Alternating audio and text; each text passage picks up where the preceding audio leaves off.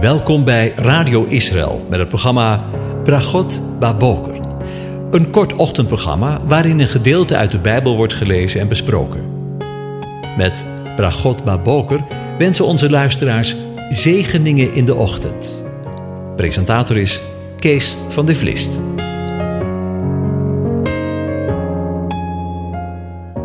Goedemorgen, beste luisteraars. Vanmorgen gaan we weer verder met het overdenken van de Messiaanse psalmen. En vanmorgen wil ik met u na denken over Psalm 45. Ik lees het aan je voor. Bruiloftslied hebben de vertalers er boven gezet, boven deze psalm. Een onderwijzing, een lied over de liefde voor de koorleider van de zonen van Korach op de lelies. Mijn hart brengt een goed woord voort. Ik draag mijn gedichten, letterlijk mijn werken, voor over de koning. Mijn tong is een pen van een vaardige schrijver. U bent veel mooier dan de andere mensenkinderen. Genade is op uw lippen uitgegoten. Daarom heeft God u voor eeuwig gezegend. God uw zwaard aan uw heup, o held. Het zwaard van uw majesteit en uw glorie. Rijd voorspoedig uit in uw glorie, op het woord van waarheid, zachtmoedigheid en gerechtigheid. Uw rechterhand zal u ontzaggen, ontzagwekkende daden leren. Uw pijlen zijn scherp, zij treffen het hart van de vijanden van de koning. Volken zullen onder u vallen. Uw troon, o God, bestaat eeuwig en altijd. De scepter van uw koninkrijk is een scepter van rechtvaardigheid. U hebt gerechtigheid lief en haat goddeloosheid. Daarom heeft uw God u gezalfd, o God, met vreugdeolie boven uw metgezellen. Al uw kleding geurt van mirre en aloë en kaneel. Wanneer u uit de ivoren paleizen komt, waar men u verblijdt. Koningsdochters zijn onder uw voorname vrouwen. De koningin staat aan uw rechterhand in het fijne goud van Ophir. Luister, dochter, en zie, en neig uw oor. Vergeet uw volk en het huis van uw vader. Dan zal de koning verlangen naar uw schoonheid, omdat hij uw Heere is. Buig u voor hem neer. De dochter van Tyrus zal komen met een geschenk. De rijken onder het volk zullen trachten uw aangezicht gunstig te stemmen. De, koning de koningsdochter is innerlijk één en al heerlijkheid. Haar kleding bestaat uit borduurwerk van gouddraad. In kleurrijk geborduurde kleding wordt ze naar de koning geleid. Jonge meisjes, haar vriendinnen in haar gevolg, worden bij u gebracht. Ze worden geleid in grote blijdschap en vreugde. Zij gaan het paleis van de koning binnen. Uw zonen zullen de plaats van uw vaderen innemen letterlijk, zullen zijn in plaats van uw vaderen. U zult hen tot vorsten aanstellen over heel de aarde. Ik zal uw naam in herinnering roepen bij alle generaties, letterlijk bij elke generatie en generatie. Daarom zullen de volken u loven voor eeuwig en altijd. Tot zover over de koning en zijn bruid gesproken. We willen weer verder gaan met de Messiaanse psalmen. Wat een ongelooflijk rijke psalm, vind je ook niet? De psalm is een lied voor de bruiloft van de koning. Een hoogst actuele psalm, denk ik, ook in de dagen waarin wij leven. Want ook wij in onze dagen zien uit naar de komst van de bruidegom. Vandaag wil ik beginnen met een korte behandeling van de hele psalm om in de dagen daarna verder in de psalm in detail te behandelen. Mijn bede is dat het mij en u werkelijk tot bragot baboker mag zijn, zegeningen in de ochtend. Waarschijnlijk zal de psalmist een historische gebeurtenis in het oude Israël voor ogen geweest zijn, maar er zijn voldoende versen die niet op de koning of op een koning van toen kunnen slaan.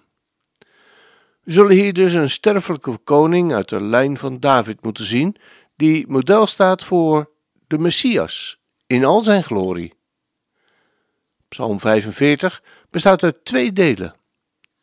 De versen 2 tot en met 10 gaan over de koninklijke bruidegom, over zijn schoonheid, zijn welsprekendheid en zijn rechtvaardig koningschap. Terwijl de versen 11 tot en met 18 de bruid beschrijven, die een talrijk nageslacht zal hebben en, let op, roem onder de volken. De bruidegom wordt beschreven als een koning die in oprechtheid regeert. God uw zwaard aan de heup, o held, het teken van uw majesteit en glorie. Treed op in uw glorie en begin de strijd voor waarheid, deemoed en recht. Laat uw hand geduchte daden verrichten. Zo lezen we in Psalm 45, vers 4 en 5. Vervolgens zegt de psalmist: Uw troon is voor eeuwig en altijd, o God. De scepter van het recht is uw koningsscepter. U hebt gerechtigheid lief en haat het kwaad. Daarom heeft God, uw God, u gezalfd met vreugdeolie. Als geen van uw gelijken. Zo lezen we in vers 7 en 8. De scepter van het recht verwijst naar de praktijk dat de koning ook rechter was. En wie namens God recht spreekt, worden in de schrift ook zelf vaak aangeduid als God of goden. We zien dat bijvoorbeeld in de wet. En ik lees Exodus 22, vers 8 en 9. Indien de dief niet gevonden wordt, zal de heer des huizes tot de goden naderen. Hij, die de goden schuldig verklaren, zal aan zijn naaste vergoeding geven. En de goden zult gij niet vervloeken, en een vorst onder uw volken zult gij niet verwensen. Zo zien we ook in deze psalm de koning aangeduid als God. Door zijn rechtvaardig oordeel, waarbij de koning door God gezalfd wordt, gezalfde is het Grieks voor Christus, wordt hij boven zijn gelijken verheven. De nieuwe Bijbelvertaling de vertalers daarvan hebben duidelijk moeite met dit gebruik van het woord God. Deze versen worden echter in de brief aan de Hebreeën aangehaald, waarbij ze duidelijk op Christus toegepast worden. Daar wordt, ook in een nieuwe Bijbelvertaling wel, duidelijk dat er letterlijk in de psalm staat, maar tegen de zoon zegt hij, gerechtigheid heb u lief gehad en onrecht gehaat. Daarom, o God, heeft uw God u gezalfd met vreugdeolie als geen van uw gelijken. Zo lezen we in Hebreeën 1 vers 8 en 9. Dit tekent hem, de Messias, Jehoshua, als ondergeschikt aan God zelf in de hemel, die hem als koning heeft aangesteld. Het tweede deel van de psalm beschrijft de bruid van de koning. In het Oude Testament wordt de huwelijksrelatie regelmatig gebruikt als beeld van de relatie tussen God en zijn volk Israël. Het volk Israël wordt regelmatig beschreven als vrouw van God. En daaruit ontstaat het beeld dat Israël, wanneer het God niet op de voorgeschreven wijze dient, beschrijft als een vrouw die ontrouw is aan haar echtgenoot. Het beeld van een hoer dat tot in het boek Openbaring wordt gebruikt, is op zijn beurt daar weer van uitgeleid, van afgeleid. In het Nieuwe Testament wordt dit beeld van een bruid op dezelfde wijze gebruikt voor de relatie tussen Christus en zijn gemeente. Want daar lezen we in Efeze 5, vers 25 tot 27: Mannen, heb uw eigen vrouwen lief, zoals ook Christus de gemeente lief gehad heeft en zich voor haar heeft overgegeven, opdat hij haar zou heiligen, door haar te reinigen met het badwater door het woord, opdat hij haar in heerlijkheid voor zich zou plaatsen, een gemeente zonder smet of rimpel of iets dergelijks, maar dat zij heilig en smetteloos zou zijn. We zien in het Evangelie, in de gelijkenissen over de bruiloftsmaal en de versen waar de Messias zich de bruidegom noemt, maar ook in het boek Openbaring. Laten we blij zijn en ons verheugen en Hem de heerlijkheid geven, want de bruiloft van het lam is gekomen en zijn vrouw heeft zich gereed gemaakt. En het is haar gegeven zich met smetteloos en blinkend fijn linnen te kleden, want dit fijne linnen zijn de gerechtigheden van de heiligen. Zo lezen we in Openbaringen 19, vers 7 en 8. Als de beschrijving van de koning in Psalm 45 verwijst naar Jezus, of zoals zijn Hebreeuwse naam luidt, Jehoshua of Joshua, is het redelijk om in de beschrijving van de bruid ook kenmerken te zien van de bruid van de Messias. Het gedeelte over de bruid begint met Luister, dochter, en zie, en neig uw oor. Vergeet uw volk en het huis van uw vader. Dan zal de koning verlangen naar uw schoonheid, omdat hij uw Heere is. Buig u voor hem neer. Luister, o dochter, en zie, en neig uw oor. Vergeet uw volk en het huis van uw vader.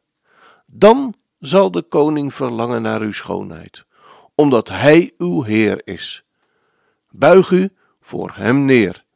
Zo lezen we in de versen 11 en 12. De eerste oproep doet denken aan de oproep die Abraham van God ontving.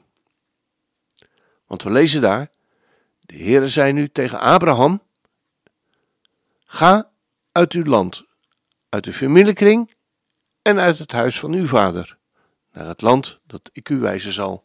In Genesis 12, vers 1. Abraham werd geroepen om alles achter zich te laten en naar het land te gaan dat God hem wijzen zou.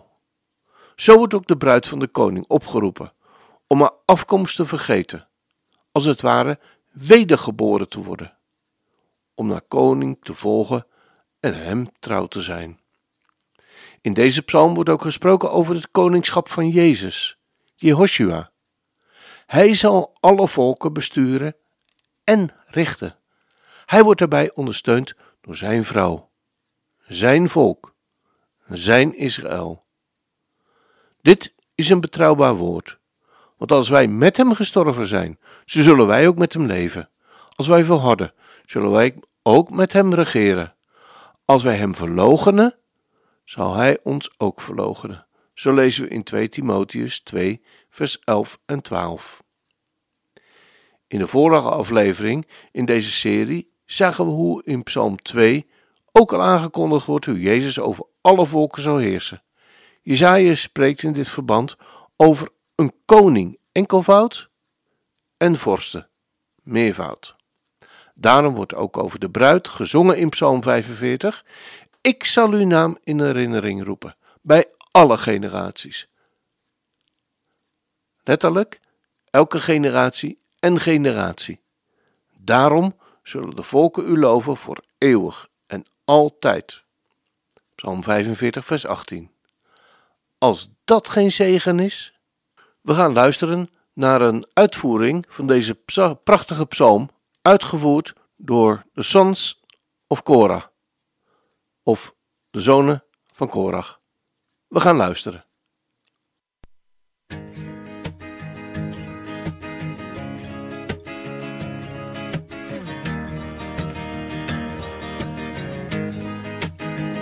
My heart is stirred by a noble theme. Desire recites my verses for my king. My heart is stirred by a noble theme. And my tongue is like a skillful writer's pen. You are the most excellent of all men. Your lips are anointed with grace. Since God has blessed you, blessed you forever. Gird your sword on your side, mighty one, and clothe yourself in majesty, in splendor riding forth victoriously. For truth and for justice and for humility, let your right hand display awesome deeds. Let your arrows pierce the hearts of the king's and enemies.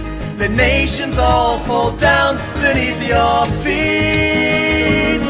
Your throne, Almighty God, will last forevermore. The scepter of justice will be the scepter of your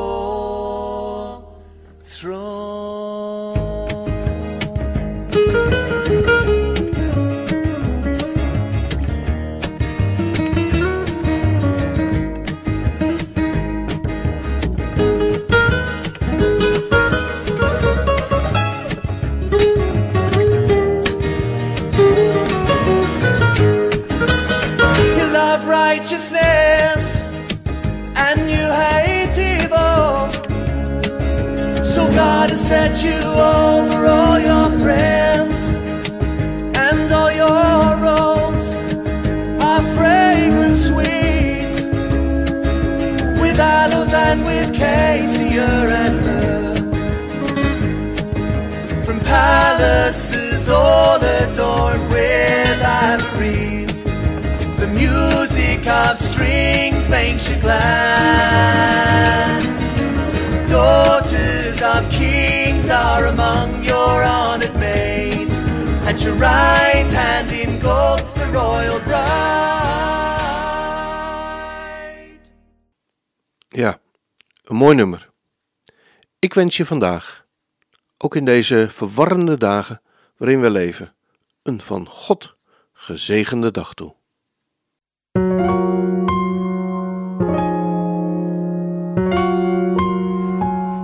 U hebt geluisterd naar het programma Bragot Baboker. Een kort ochtendprogramma waarin een gedeelte uit de Bijbel wordt gelezen en besproken. Wilt u het programma nog eens naluisteren, dan kan dat. Ga naar radioisrael.nl en klik onder het kopje radio op Uitzending gemist.